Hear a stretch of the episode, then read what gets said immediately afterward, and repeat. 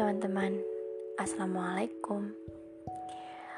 Um, kalau dihitung-hitung, udah hampir setahun ya kita nggak saling tegur sapa. Maaf ya, anggap aja kemarin aku vakum. Tapi aku juga nggak bisa janji sih kalau ke depannya aku bakal bisa konsisten buat kirim podcast lagi. Tapi ya semoga aja. Semoga Allah memberi kemudahan atas niat baikku ini. Amin. Hmm, udah setahun gak jumpa, gimana? Mau cerita dari mana dulu nih? Pasti banyak banget dong bahan percakapan. Kayak temen jauh yang lama gak ketemu gitu. Anggap aja kita lagi nongkrong ya um, mau ngobrolin apa dulu nih? Oke, okay, jadi dari awal nih, awal mula aku vakum bikin podcast itu karena dulu bulan April itu sebelum bulan Ramadan aku pulang nih ke kampung. Dan baru balik ke Jogja lagi sekitar akhir Mei. Nah, setelah aku balik ke Jogja aku mulai fokus nulis novel gitu jadi titik fokus aku ke podcast mulai buram. Tapi alhamdulillahnya dalam waktu lima bulan aku bisa nerbitin dua novel sekaligus. Meskipun di penerbit yang berbeda sih. Yang pertama judulnya Raven yang kedua judulnya Manajemen Rasa. Coba cari aja di mana ya nyarinya di penerbit deh Anggopedia atau enggak Peaceful Blizzard cari aja. Kalau kepo sih kalau enggak ya nggak apa-apa nggak maksa juga.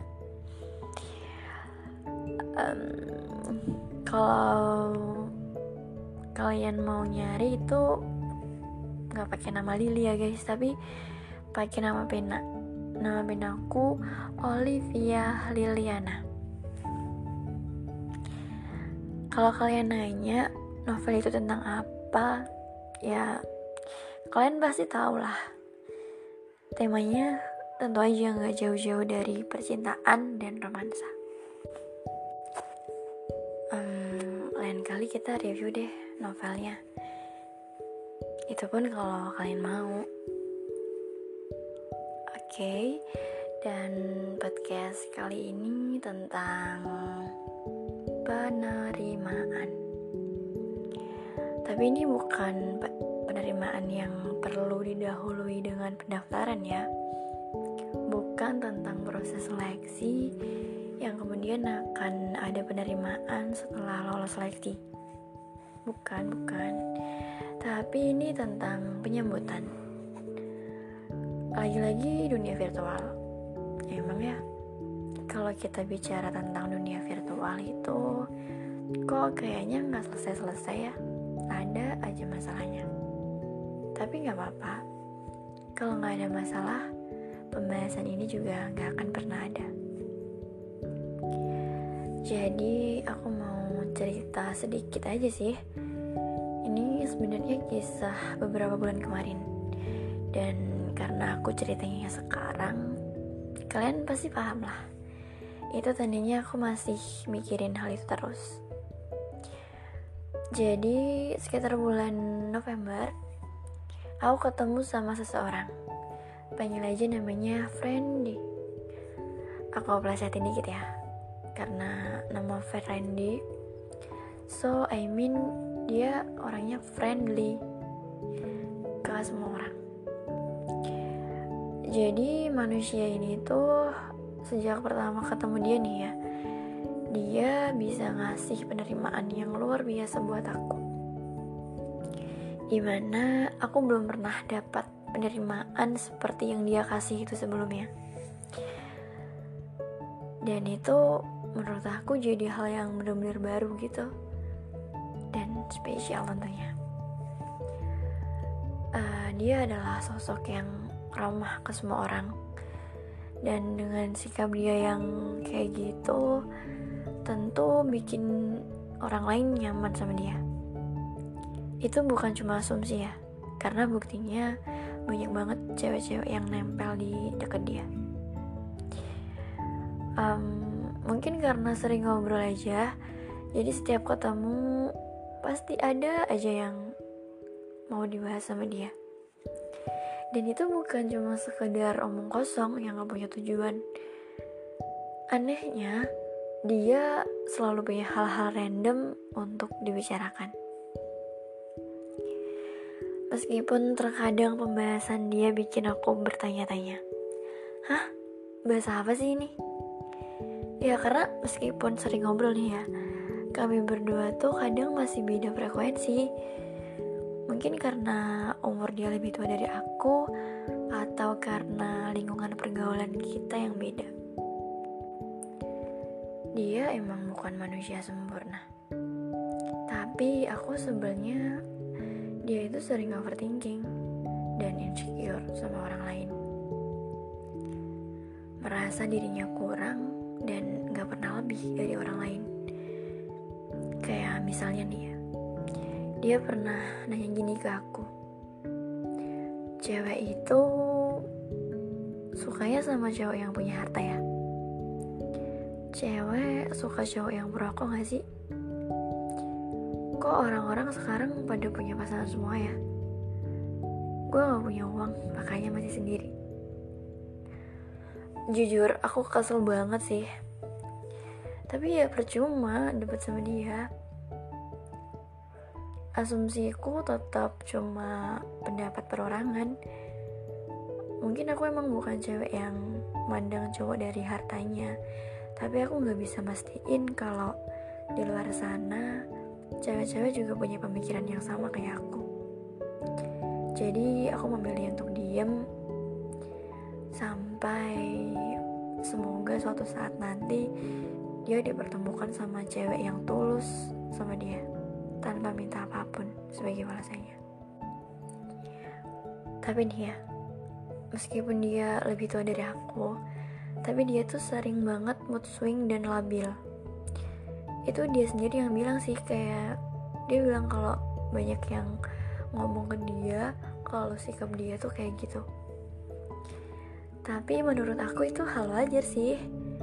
Coba bayangin kalau hidup kalian cuma seneng terus atau enggak uh, sedih terus gitu. Datar banget gak sih? Membosankan. Jadi perubahan perasaan itu menurut aku justru hal yang berarti banget dalam diri kita. Berarti kita masih punya rasa. Buktinya, kita bisa merasakan berbagai macam perasaan yang muncul dalam diri kita. Nah, itu contohnya. Nyebelin kan orangnya? Suka overthinking, insecure, random, labil, mood swing. Tapi anehnya, meskipun dia nyebelin, aku tetap bakal datang lagi ke dia. Kayak ternyata aku masih candu sama penerimaan yang dia berikan. Jadi aku akan tetap datang ke dia lagi dan lagi cuma untuk mendapatkan penerimaan yang sama.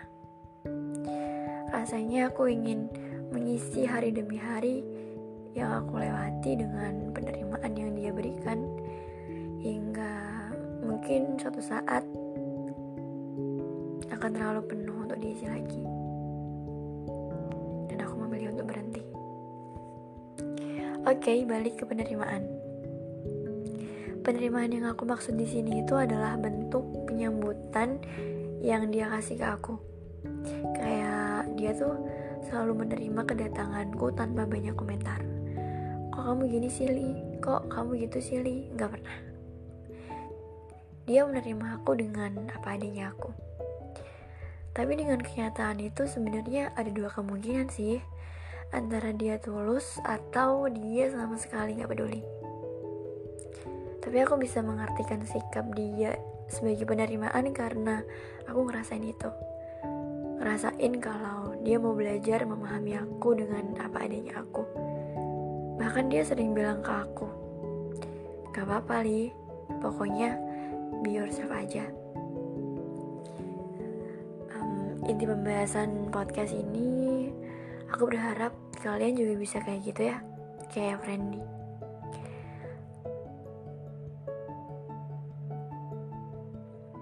Ya meskipun aku nggak bisa konsisten bikin podcast atau kadang pembahasan di podcast aku terlalu kosong, semoga kalian bisa tetap menerima hal itu dengan senang hati. Dan semoga nggak cuma ke aku, tapi ke orang lain juga. Karena penerimaan itu bisa menjadi energi paling kuat kepada orang lain. Seperti Friendly yang bisa menjadi mood booster aku dengan cara penerimaan yang dia berikan. Kalian pun bisa memberikannya kepada orang lain. Yuk, perbaiki energi baik. Nih, ini pesan buat Friendly dan buat kalian ya, para pendengar semuanya. Gak usah insecure lagi. Gak apa-apa kalau kalian gak punya banyak uang. Gak apa-apa kalau kalian gak punya muka tampan. Masih ada banyak hal yang bisa kalian berikan. Salah satunya dengan memberikan penerimaan paling tulus yang kalian punya. Percayalah, hal yang bahkan menurut kalian gak terlalu berarti bisa membuat seseorang merasa berharga.